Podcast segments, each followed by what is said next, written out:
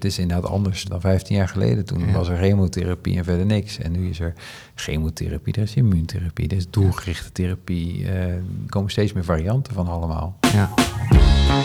Welkom. Je luistert naar de intro van de podcast Kanker met Dummies. Vroeg of laat is het zover. Ineens is daar het slechte nieuws en is kanker in je leven. Het zit in jou of bij een dierbare. En dan? Dan komen alle vragen en emoties. En een heleboel vreemde situaties. Kanker heeft invloed op je persoon, je relatie, je gezin, je werk, je financiën, eigenlijk op alles in je leven. In deze podcast stellen wij vragen aan patiënten, artsen, familie, experts en anderen om ervaringen te delen, informatie boven tafel te krijgen en taboes te doorbreken. Gewoon in Jip en Janneke stijl, want wij zijn dummies.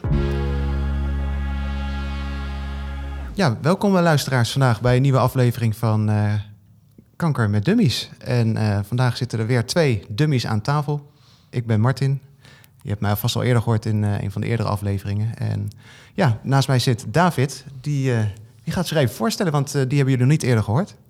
Ja, leuk. dankjewel, Martin. inderdaad, het is mijn eerste keer in deze podcast als, als dummy.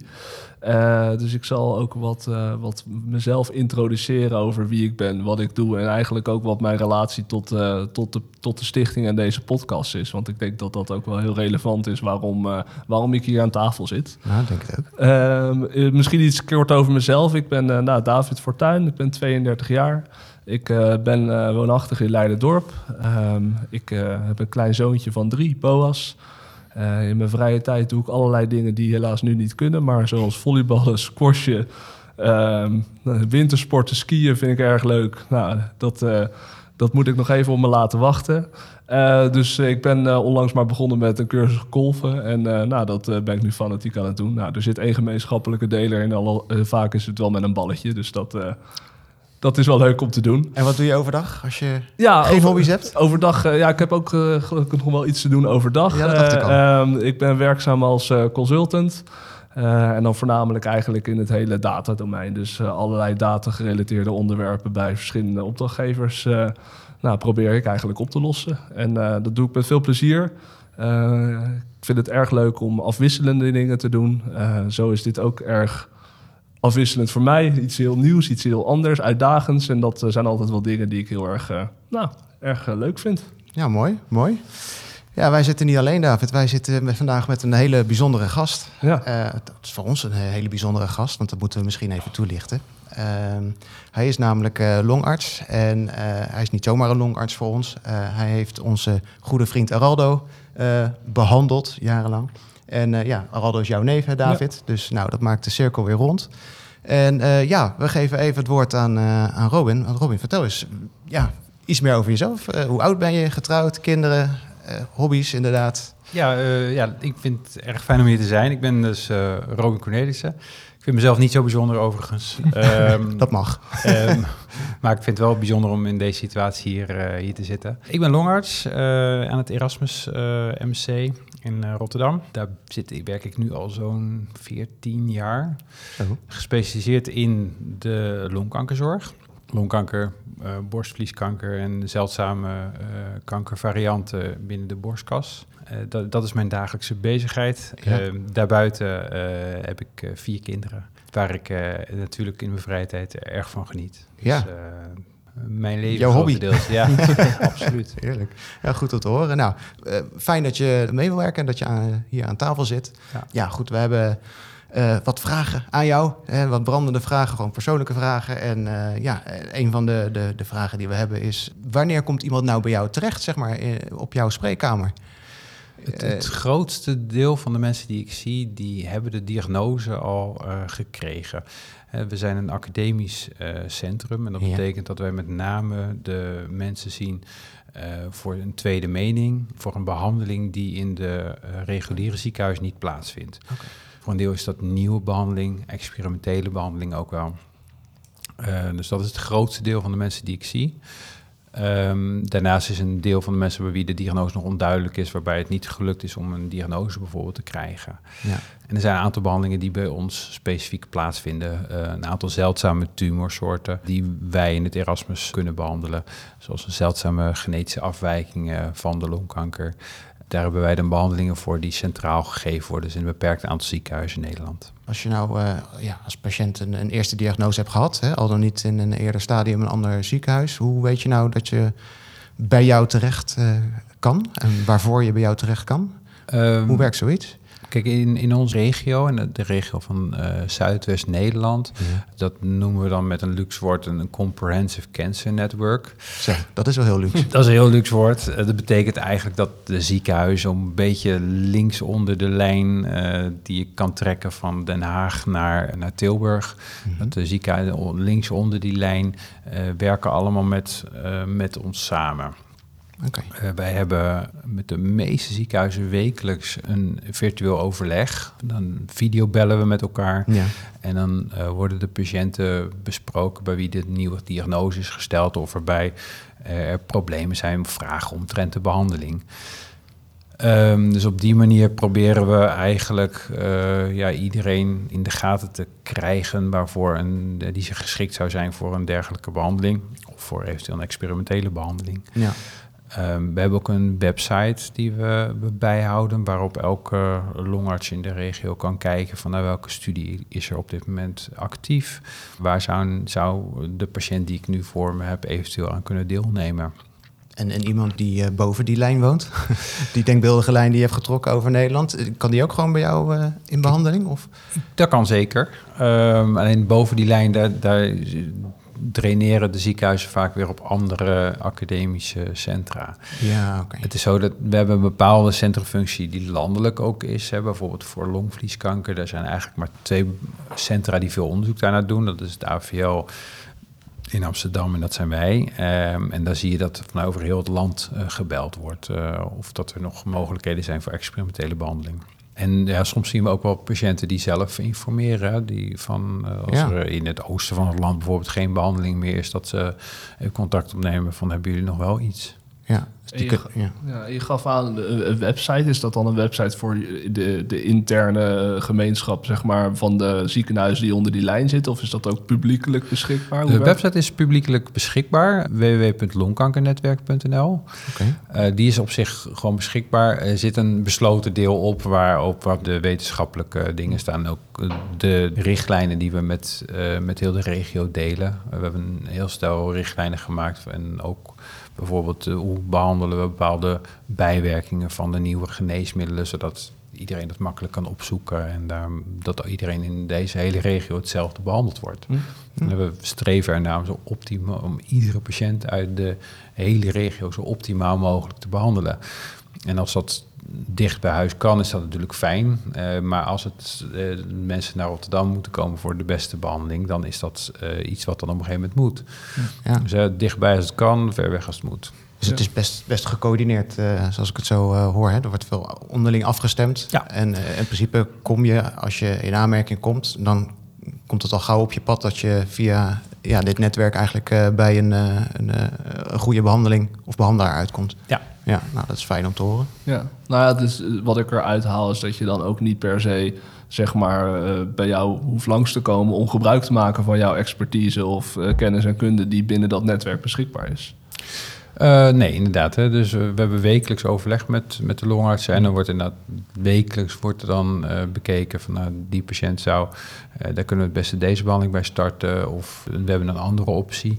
En die moet wel overwogen worden. Hm. Dus ja. Eh, er, komen, er worden een heleboel patiënten met ons besproken per week. Ja, ja. Hey Robin, wij, uh, ja, wij, wij, spreken natuurlijk ook uh, patiënten in het algemeen. En uh, dan hebben we het ook gehad over ja, de, de slecht nieuwsgesprekken. Hè? Dus je, als er een diagnose plaatsvindt. Nou, dat is bij jou dus ook regelmatig aan de orde. Hè? En, ja, hoe, hoe werkt zo'n gesprek? Hoe vlieg je dat aan? Als jij een, ja, eigenlijk een, een slecht bericht moet brengen. Um, kan natuurlijk ook een positief bericht zijn, maar laten we even. Ja, kijk, eh, slechte gesprekken komen ook frequent voor in dit vakgebied. Dat hoort erbij. Ja, helaas wel. Duidelijkheid staat wel voor bovenaan. Hè? Dus um, de, de boodschap moet duidelijk zijn. Als het slecht is, dan moet de boodschap ook zijn: ja, sorry, maar de uitslag van de scan is slecht of toch een vervelende ziekte gevonden. Ja. En dat is kanker. Um, dus het moet duidelijk zijn uh, wat er aan de hand is. Het moet niet onduidelijk zijn voor patiënten. Dat is, daar, daar heeft niemand wat aan. En in principe als iemand op gesprek komt voor een uitslag, dat, dat, dat weten ze van tevoren. Uh, soms wel, soms ook niet. Soms kan, we hebben ook wel eens onverwachte uitslagen. En dat, kijk, dat is altijd, uh, het is altijd vervelend om slecht nieuws te brengen. Ja. Het moet wel goed gebracht worden. Uh, dus het is belangrijk om ja, duidelijk te brengen, om het snel te brengen. In het begin van het gesprek, niet aan het eind. Ja. Dan vervolgens te kijken hoe de reactie is van de, van de patiënten. En dan kijken wanneer ze eigenlijk klaar zijn om verder te praten. Want zo'n zo'n uh, zo'n uitslag komt aan. En dat duurt een tijd voordat mensen daar ja, dan weer verder kunnen met het gesprek. Ja, nee, dat snap ik. Uh, we, hebben eerder in de, eerder de reeks al een uh, patiënt gesproken. En die, ja, die had ook wat minder fijne ervaringen met een arts. Die bracht wel heel duidelijk die boodschap over. Alleen die, ja, die voelde heel weinig begrip. Het was heel zakelijk. De boodschap was overgebracht, maar ja, de patiënt voelde zich eigenlijk niet, ja, niet gehoord. Of het werd een beetje, ja... Misschien het, het stukje empathie dat... Uh, dat uh... Je miste zeker een stukje empathie. Kijk je daarnaar? Hoe, ja, kijk je naar wie je voor je hebt en hoe ze reageren? Ja, nee, absoluut. Ik, ik, denk dat dat een van de belangrijkere dingen is. Dat je toch uh, inziet van wat speelt er. en wat, wat kan je ook opvangen bij zo'n gesprek. de, de, tijd voor nemen. En dan even rustig de draad weer oppakken nadat het slecht nieuws wat geland is. Ja.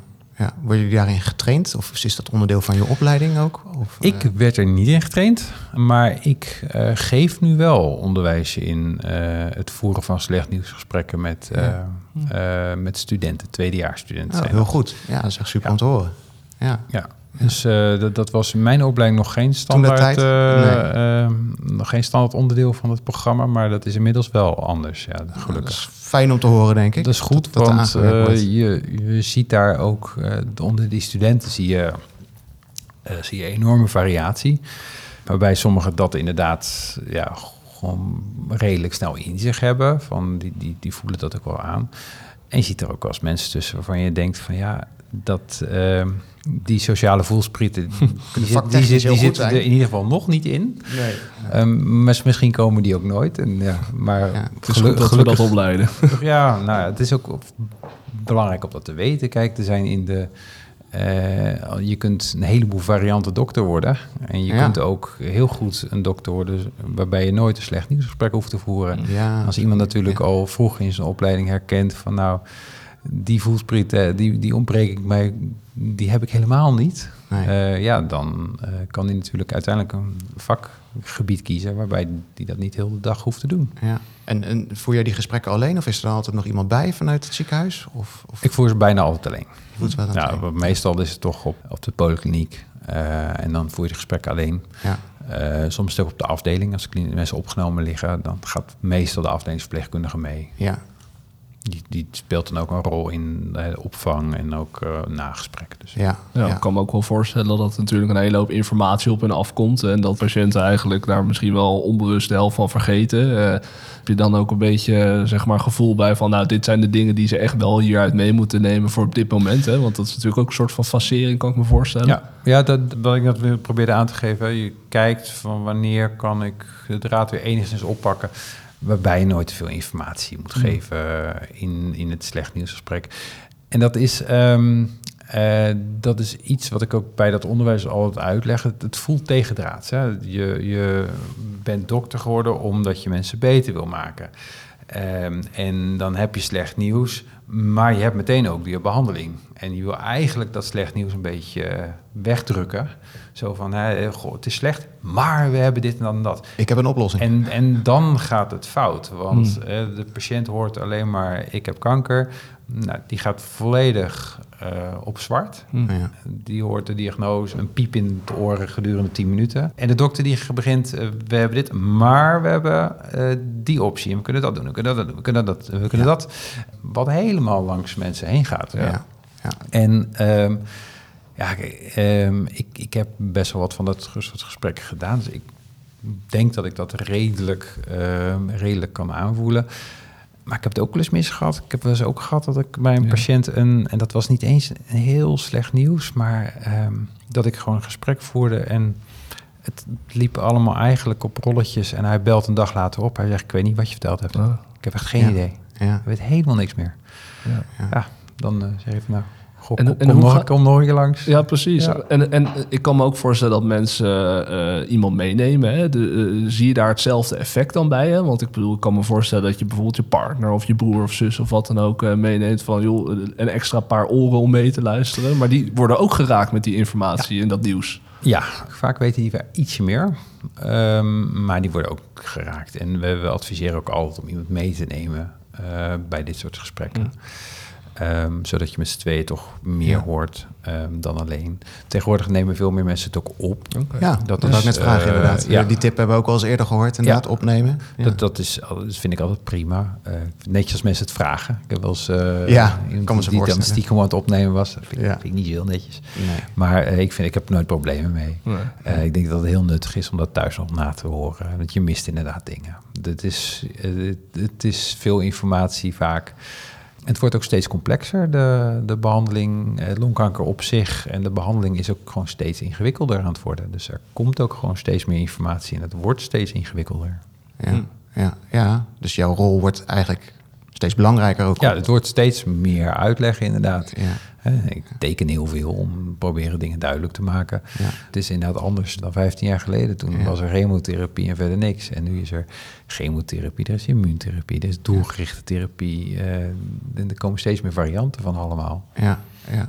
En eh, nou ja, nu jij erover begint, uh, hoe, hoe blijf jij nou bij bij de ontwikkeling? Want ja, er zijn wereldwijd uh, zijn er natuurlijk een heleboel mensen met jouw vakgebied bezig. Uh, en hoe weet jij nou inderdaad wat er is en, en wanneer bied je iets aan, zeg maar, in Nederland? Dat is natuurlijk het, het, leuke van academisch uh, werken. Um, kijk, ons werk bestaat voor een aanzienlijk deel uit het doen van onderzoek. En die onderzoeken, dat zijn de behandelingen uit de toekomst. Dat, dat zijn de nieuwere behandelingen die, waar wij, wij nu aan het kijken zijn. Is dat effectief? Ja. Dus wij volgen alle literatuur uh, die daarbij hoort. Uh, wij volgen de congressen. Um, en die volgen we eigenlijk echt wel op de voet met het, de groep longartsen die we hebben congres wordt, wordt bekeken, wordt met elkaar overlegd. we, we, sparren over wat de uitslagen van de, van de prestaties zijn, wat we daarmee moeten. Okay. Um, en als er een nieuw iets is, dan gaan we daar zo snel mogelijk mee aan de slag. We hebben, uh, dan verzin je een, een, een, een casus. Je denkt, hey, hier heb ik misschien hebben een, een punt. Hier kunnen we iets misschien op doen. Als we dit combineren of als we dit zo doen. En dan ga je ja, dus, dus als er, uh, als er op zo'n congres besproken is van nou, deze mutatie, daar kan dat middel voor worden ingezet. Uh, en dat is overtuigende data en we hebben beschikking tot dat middel. Dan, dan is dat per, per direct geregeld, zeg maar. Mm. Dus en dan, dan hoef je niet langs een, uh, nou ja, we zitten nu uh, in coronatijd. Dan horen we het over vaccins en de goedkeuringen en, en dat soort dingen. Zijn dat dingen die ook spelen bij dit soort behandelingen? Ja, ja, het is afhankelijk van wat is het middel, wat is de indicatie. Um, en sommige middelen zijn bijvoorbeeld op de markt voor andere indicaties. Daar is dan soms wat sneller aan te komen. Of soms gaat een bedrijf dan per direct zeggen van nou dan bestellen we dat ter beschikking. Wachtend op de registratie en zo. Dus dat kan soms heel snel gaan. Met andere is dat lastiger. Bijvoorbeeld voor longvlieskanker is een nieuwe behandeling met een dubbele immuuntherapie. Is vorig jaar september is dat, nee, augustus zelfs, augustus is dat gepresenteerd. Uh, dat het beter was. In januari is het artikel verschenen en uh, ja, het is nog steeds niet beschikbaar. Um, we proberen dat dan met het bedrijf te regelen, dat ze dat vooruitlopend op de registratie en de vergoeding dat, uh, dat beschikbaar stellen. Ja. Uh, maar dat is nog even wachten en dat is niet altijd uh, zo geregeld. Nee, nee, en dat kan dus ook zo zijn, hè, wat je al vaak hoort en ziet, dat je mensen denken van nou, het is wel beschikbaar in het buitenland. Misschien kan ik daar een, een behandeling gaan doen. Of um, is dat niet nee, iets wat je adviseert? Dat kan niet. Nee, dat kan niet omdat de verzekeraar hier vergoedt de behandeling die uh, in Nederland vergoed wordt. Mm. Ja. Uh, kijk, in, in, Amerika is bijna alles beschikbaar, uh, omdat daar minder toetsing zit op, op middelen. En ook een heleboel middelen daar op de markt zijn waar de onderbouwing nog heel zwak van is. En vaak ook dan weer uiteindelijk wordt ingetrokken. immuuntherapie bij kleincellig longkanker bijvoorbeeld Dat is daar een tijdje op de markt geweest voor mensen die twee eerdere behandelingen gehad hebben. En dat is er mhm. nu weer af. Dat bleek toch niet te werken. Maar in Europa is dat nooit op de markt gekomen, omdat het bewijs gewoon te zwak was. Ja. Uh, in Amerika is het wel op de markt geweest en hebben ze het nu weer ingetrokken, omdat het toch niet uh, effectief blijkt. Dus, Goed, andersom zou het dus ook kunnen zijn dat ze in Amerika iets hebben getest en dat blijkt inderdaad heel succesvol en dat het vertraagt in Europa of in Nederland op de markt komt. Kijk, als het getest is en het blijkt succesvol, echt getest uh, en het blijkt succesvol, dan komt het in Europa ook. Ja. Maar het zijn vaak die kleine onderzoeken, de dubieuze onderzoeken, waar geregeld in Amerika dan wel een registratie uh, voor komt, een tijdelijke registratie, en dat in Europa nog niet het geval is. Maar er zijn, uh, de registratie gaat in Amerika wel sneller, vaak. Dus dan zie je dat uh, bijvoorbeeld die dubbele immuuntherapie in Amerika al beschikbaar is. Um, maar wel zolang je daar een goede verzekering hebt. En dat is wel een puntje. Dat is natuurlijk in Amerika wel een belangrijk uh, onderwerp. die prijzen zijn astronomisch hoog in Amerika. Ja, ja. Um, dus, um, en dan moet je dus inderdaad een goede dekkende Amerikaanse verzekering hebben. Ja, ja. ja je hoort natuurlijk ook veel mensen die, uh, hè, als het niet gedekt is, dat ze zelf maar uh, proberen die behandeling te financieren. Door, door nou ja, inzamelingen, crowdfundingen, verzin het maar. Mm. Dat, dat heeft onze vriend Harald natuurlijk ook uh, gedaan voor een, uh, een, deel van zijn eigen financiering van zijn behandeling uh, in Amerika. Ja, Amerika is, is, is, duur wat dat betreft. Ja. Ja, ja, ja, ja, ik kan me nog goed herinneren inderdaad die gesprekken die ik daar met hem over had. En, en hij was gelukkig heel kritisch op, op die behandelaars ter, ter plaatse ook. Hè, want ze hebben gewoon een standaard behandelplan. Maar ja, daar is ziek zijn ook... Ja, het is geloof ik een particuliere instelling zelfs. Dus daar is ziek zijn is gewoon ook gewoon ja, geld verdienen. Ja. En uh, hij was toen, uh, weet ik nog wel, dat hij zei, ik ben heel kritisch geweest op bepaalde scans kon ik in Nederland maken. Die vielen onder mijn verzekering. En dan kon, hoefde ik die daar niet te doen. Dus dan gebruikte ik die scans, die resultaten. En dat hij zo zijn weg vond om dan toch proberen ja. zo goedkoop mogelijk daar dan die behandeling te krijgen. Ja, en dan was de behandeling voor hem nog gratis, hè? Dan, ja. Dat was natuurlijk nog een experimenteel middel. Ja, ja, ja. hij was bijna een projectleider van zijn eigen behandeling, eh, als je het zo zou bekijken. Ja. wel wonderingswaardig. Ik, ik was nog wel benieuwd, want als je dan bijvoorbeeld uh, naar zo'n congres gaat en daar dingen hoort, weet je, van uh, dit zit er aan te komen, heb je dan al meteen bijvoorbeeld in je achterhoofd van, hé, hey, wacht even, dit zou voor die patiënt zou kunnen gaan werken en uh, maak je daar dan meteen al koppelingen, zeg maar, bij? Of, of? Ja, ik denk dat we dat altijd doen. Ja. ja. dat je altijd inderdaad denkt van, oh, dat, dat zou bij die patiënt goed kunnen, of die patiëntengroep. Ja. Maar hoe ga je daar dan mee om? Uh, wacht je daar dan mee totdat het eigenlijk al die, nou ja, totdat het ook kan? Uh, totdat We proberen eigenlijk altijd dat soort, als er echt iets beter is, dat soort nieuwe behandelingen direct te kunnen geven. En dat hebben we in het verleden gedaan, bijvoorbeeld met immuuntherapie. Um, dat hebben we nou, eigenlijk nadat de studie liet zien dat dat beter was, hadden wij in het Erasmus de, de behandeling al beschikbaar. Hm. En dat was ruim een jaar voordat het echt op de markt kwam. Uh, dus hebben wij, denk ik, 150 patiënten toen uh, behandeld uh, in dat jaar vooruitlopend op de registratie en op de vergoeding. Van over heel het land kwamen toen mensen daarvoor. Uh, en dat was eigenlijk hetzelfde voor de combinatietherapie van chemotherapie met immuuntherapie.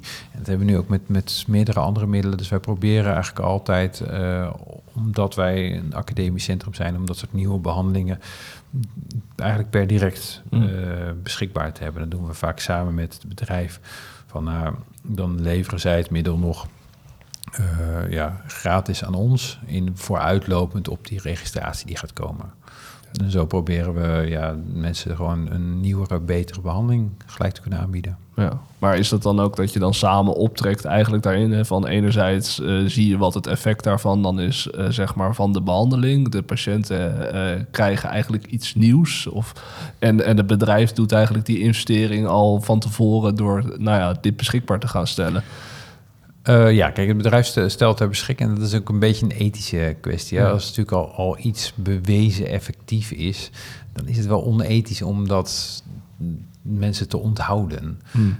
Um, uh, en het is voor een bedrijf natuurlijk zinnig als het bewezen effectief is en het wordt toch op de markt gezet.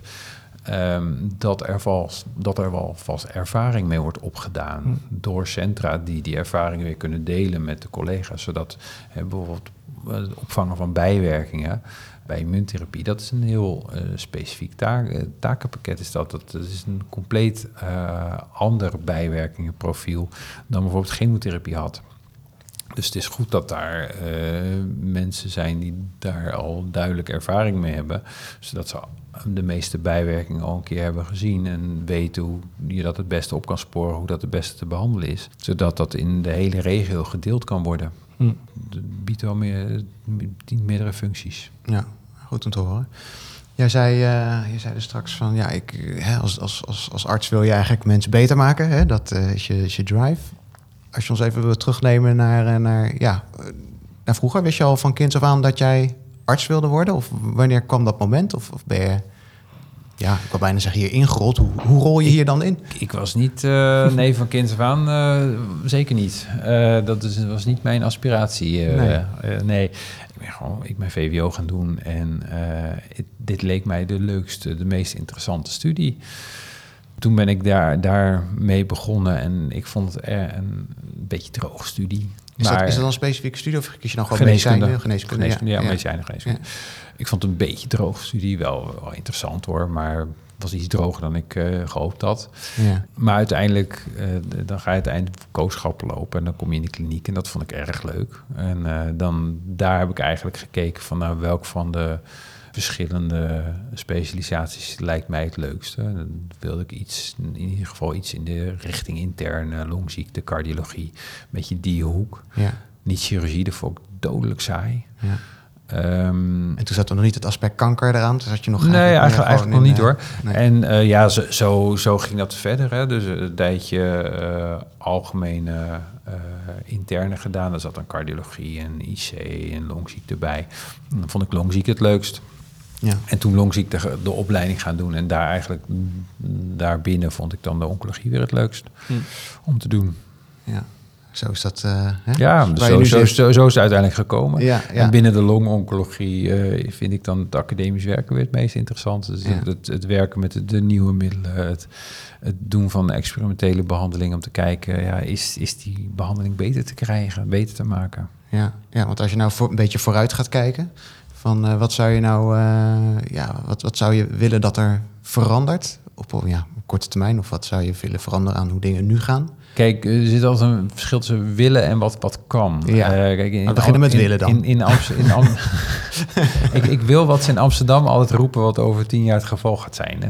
In Amsterdam roepen ze altijd over tien jaar is kanker de wereld uit. Ja. En dat roepen ze al vanaf 1975. Ja, dat roepen ze al een tijdje, ja. ja. dat roepen ze al een heel tijdje.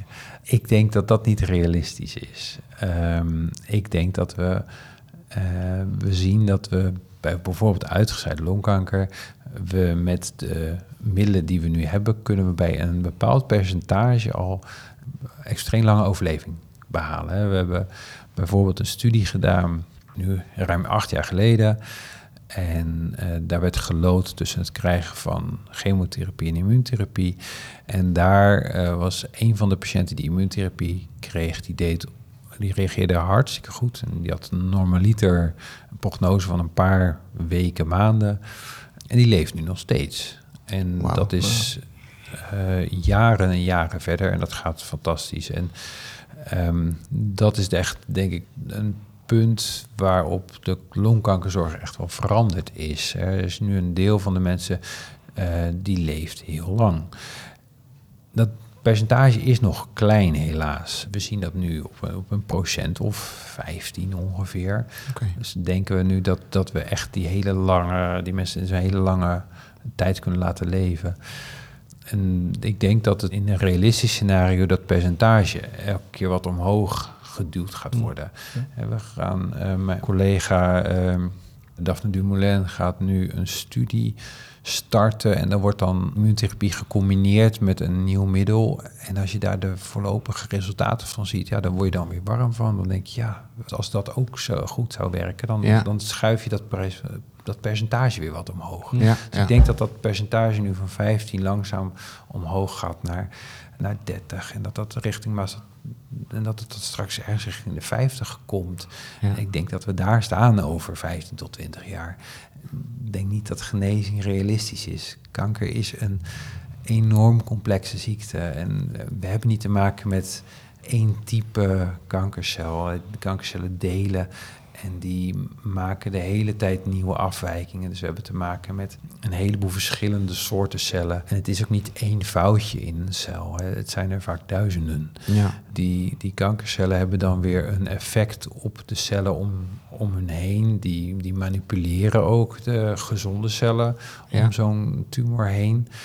Um, daar is nog zoveel in onbekend. Ja.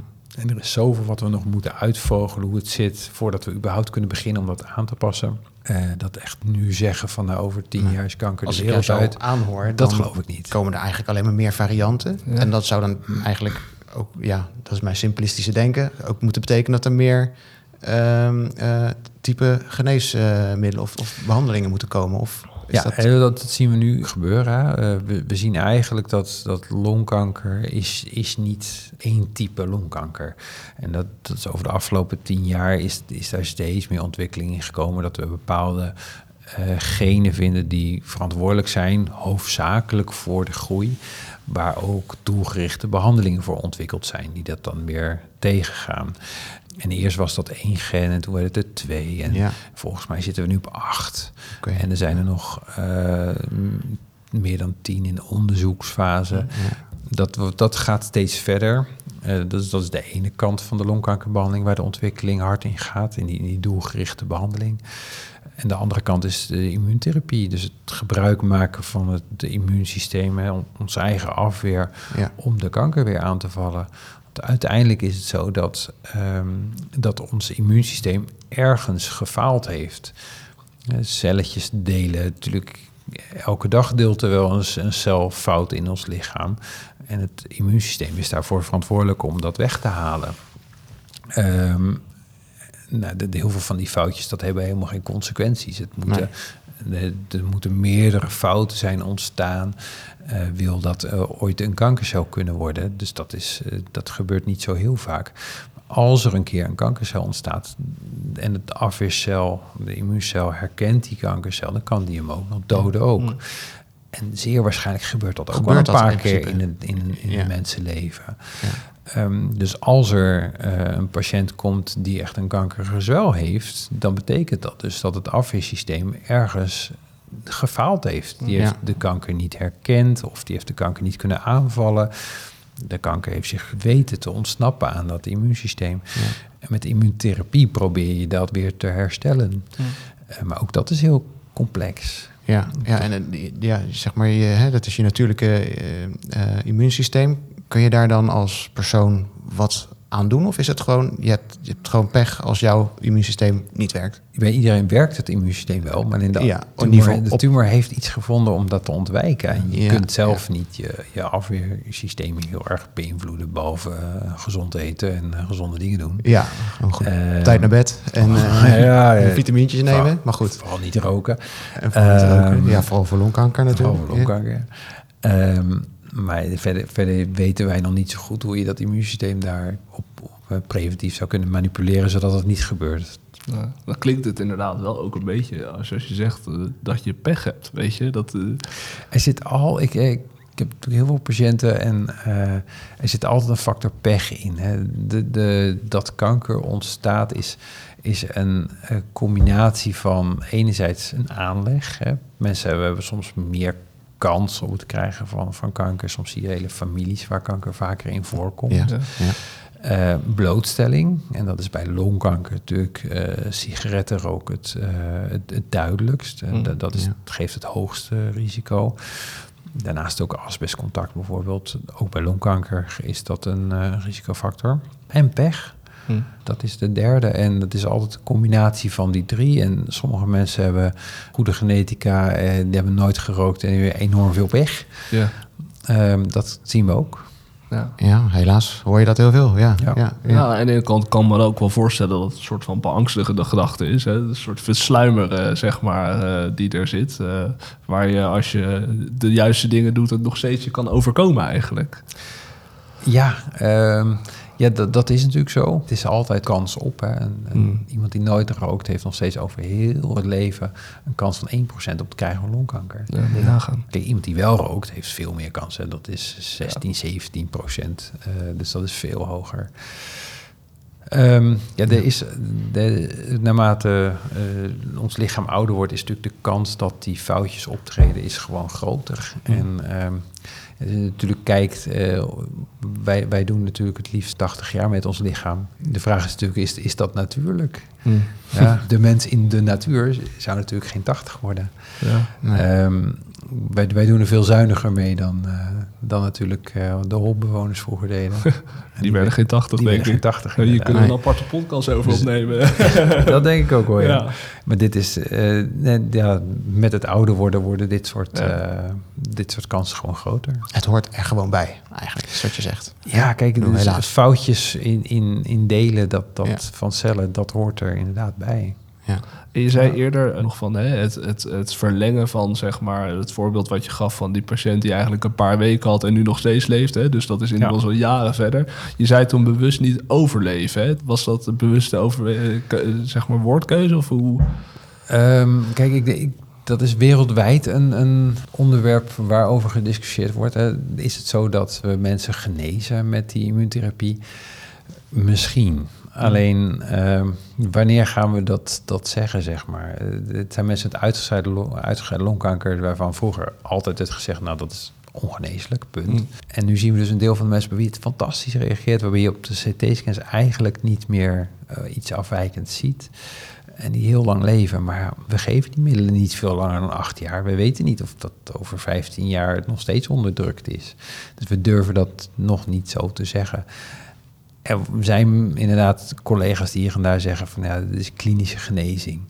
Uh, Misschien is dat zo, maar dat, dat zal de tijd moeten leren. Ik denk als we over tien jaar nog een podcast opnemen, dat, uh, dat ik dat wat zekerder kan Ja, dan is er weer meer informatie, want dat ja. is eigenlijk ook het onderzoek wat continu plaatsvindt. Hè? Dus... Ja, ja die, die groep mensen waar, waar ook deze patiënt uh, toe behoort, dat was de allereerste grote studie naar immunotherapie. Okay. De eerste die gepubliceerd is.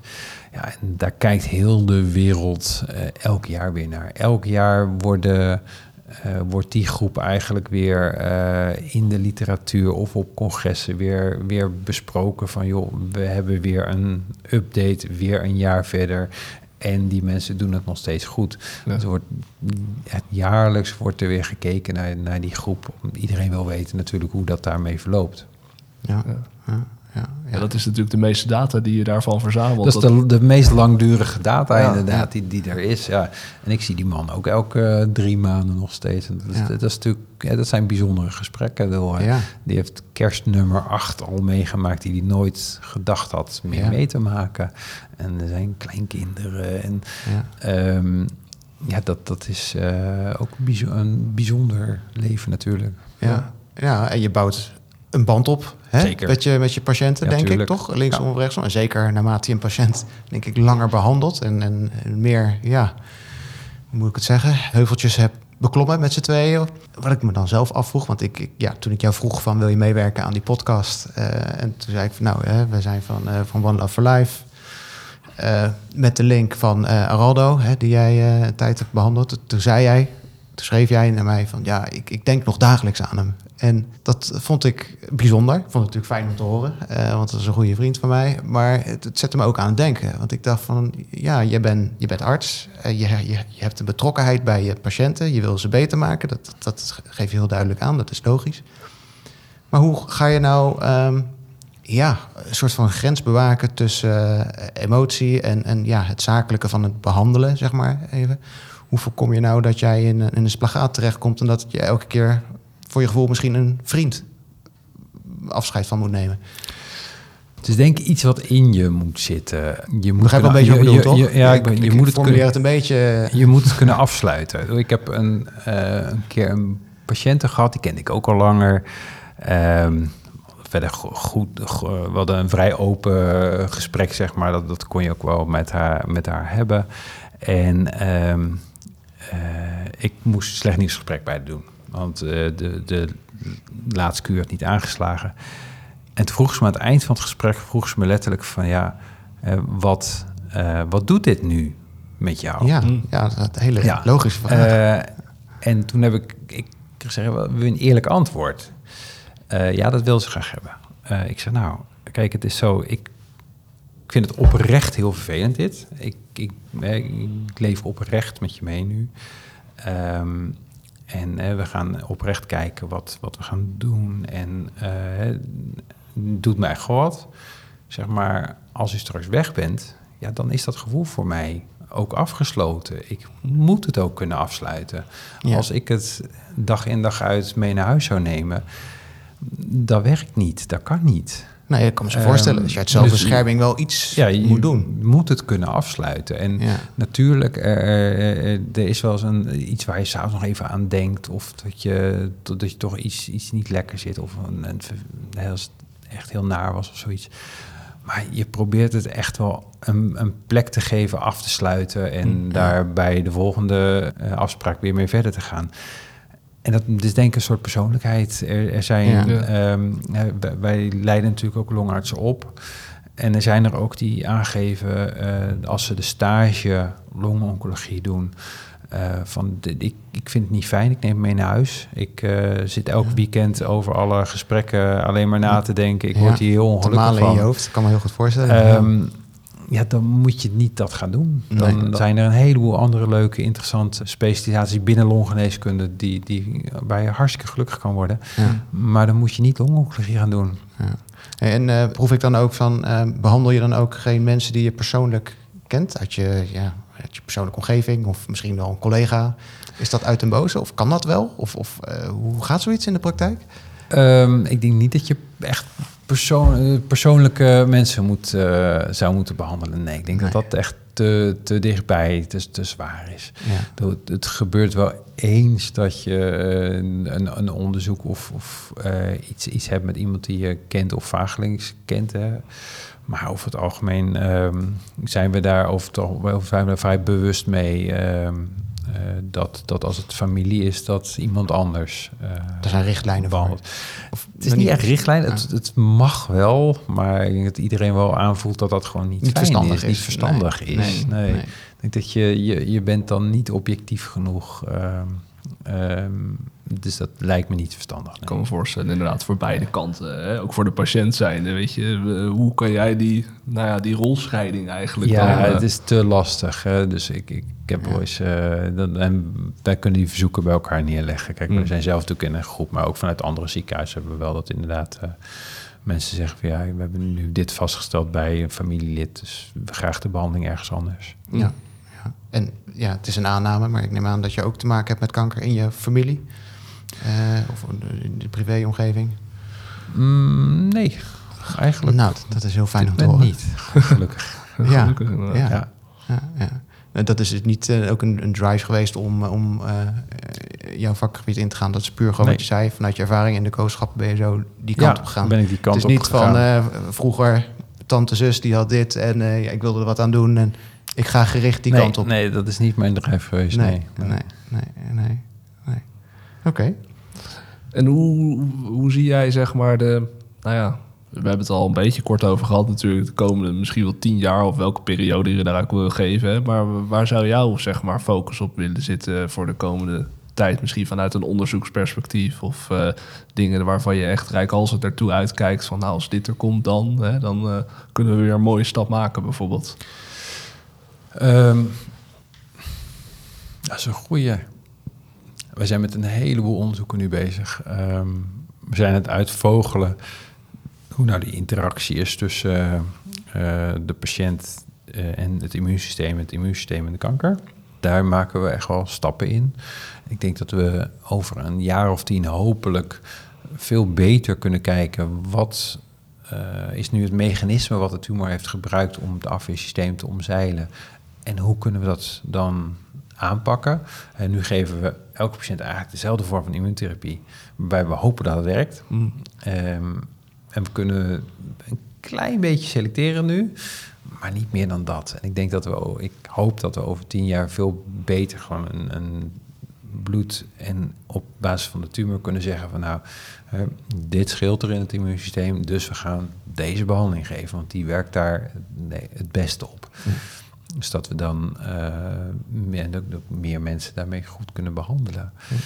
Ehm, ik denk dat dat hopelijk een, een, vooruitgang gaat zijn in de komende tien jaar. Gerichter behandelen. Gerichtere uh, immunotherapie. En daarnaast ook gewoon gerichtere behandeling.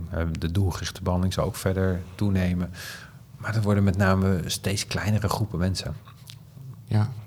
Steeds, er worden steeds zeldzamere uh, mutaties gevonden waarvoor dan nog behandeling beschikbaar komt. we hebben nu een studie met een, een medicament. Uh, en die studie is denk ik al een jaar open. En we zoeken nog steeds naar één iemand die zo'n mutatie heeft. Dus zo zeldzaam begint het inmiddels ja dat te worden. Maar het is op zich, ja, dat klinkt misschien een beetje flauw, maar het is op zich ook wel goed nieuws. Uh, want als je zelf een, een hele zeldzame variant hebt, dat er wel perspectief is voor, voor, voor behandelingen voor zijn. Hè? Want ja, zoals ik wel eens heb gehoord in het verleden, dan, als je een hele bijzondere variant had, ja, dan was het chemo voor uh, variant X en Y. En als jij Z had, dan had je pech, bij wijze van spreken. Dus dat, in die zin. En de ontwikkeling gaat wel steeds verder. Ja. Nu klinkt het bijna alsof je zeg maar soms geluk kan hebben als je een hele zeldzame variant hebt waar dan precies zo'n studie voor is. Ja, soms wel. Dat, ja. het voelt wel tegenstrijdig, maar in, in, deze situatie kan dat heel goed uh, uitpakken. Ja.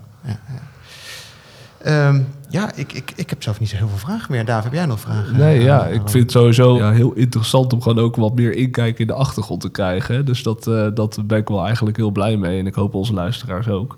Um, ik zat toch wel met één ding. Hè. Je begon in het begin ook van, nou, hè, wel eerst had je chemo en dan had je zeg maar uh, bestraling en daar kwam immunotherapie bij. En uh, wat is, is er iets wat het volgende gaat zijn? Of, of is daar ja, meer op het specialisme, het differentiëren binnen immuno, zeg maar, waar je het net over had? Of zit er een next big thing aan te komen, zeg maar? Uh, nee, het is een beetje stil. Het is niet een enorme klapper, denk ik, die nu hmm. tussen nu en een jaar komt. Ik denk dat, uh, waar ik het net even over had, dus het, het manipuleren van, uh, van de omgeving van de tumorcellen, dus de, de gezond, eigenlijk de, de eigen lichaamcellen die met de tumor meewerken. En dat is dat onderzoek vanaf Dumoulin. Um, Um, die gaat daar een, een, middel voor geven en dan combineren met immuuntherapie.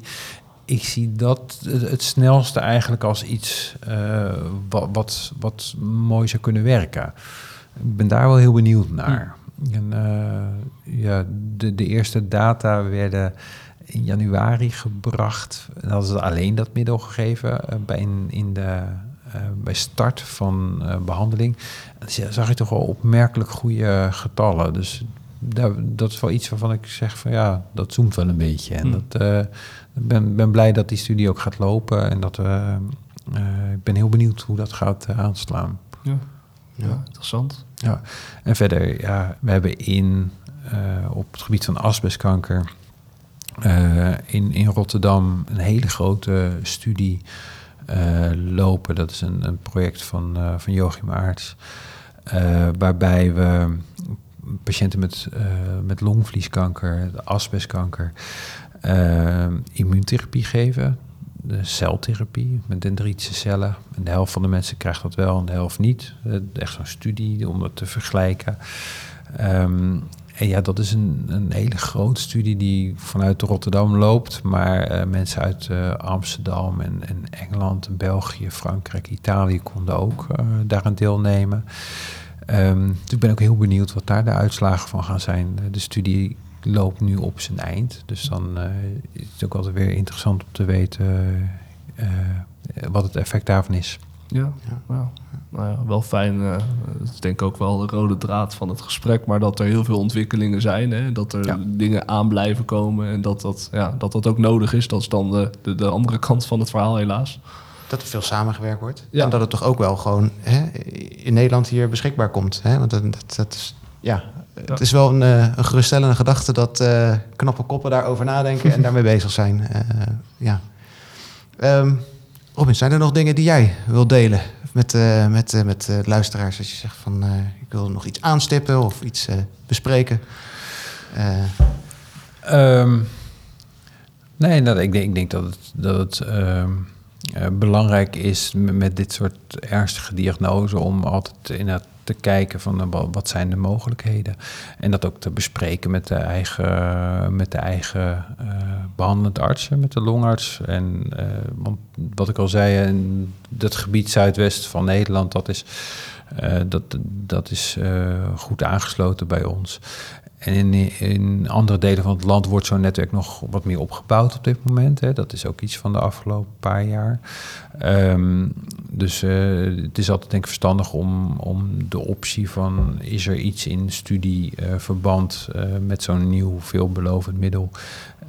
is dat een optie voor mij? Ik denk dat dat dat altijd een terechte vraag Gewoon vragen aan je behandelend arts van wat weet je, ja. welke, welke, welke samenwerking of wat doen ze in Nederland op dit gebied? Ja. Dat kun je gewoon vragen. Dat kun je gewoon vragen. En, en um, dat zou je ook zelf als patiënt nog op kunnen zoeken, of is dat wat lastiger? Dat is wat lastiger. Um, en er zijn ook patiënten die contact opnemen met Erasmus. Uh, van goh, uh, ik heb deze situatie, hebben jullie wat? Ja. En zijn ook altijd welkom om een keer op gesprek te komen. Dat kan altijd. Dan kunnen wij altijd kijken. Ja, ja, ja. ja. oké. Nou. Goed. Ja, nou, eh, ik, uh, ik, ja, ik denk dat we gaan afronden, Robin. Uh, super bedankt voor, uh, voor je openhartigheid en je aanwezigheid. En ja, als jij als luisteraar denkt van nou, ik vond het interessant of ik wil nog iets weten over bepaalde onderwerpen of thema's die besproken zijn, ja, stel je vragen via de website www.oneloveforlife.nl. En ik zou zeggen, tot de volgende keer. De podcast Kanker met Dummies is een uitgave van Stichting One Love for Life en is powered bij Rauw CC. Wij danken onze gasten voor de openhartigheid en jou voor het luisteren. Like en share onze podcast en help ons anderen te bereiken. En vergeet je ook niet te abonneren. Heb je vragen, suggesties of andere belangrijke informatie? Get in touch via oneloveforlife.nl. Thanks namens alle dummies.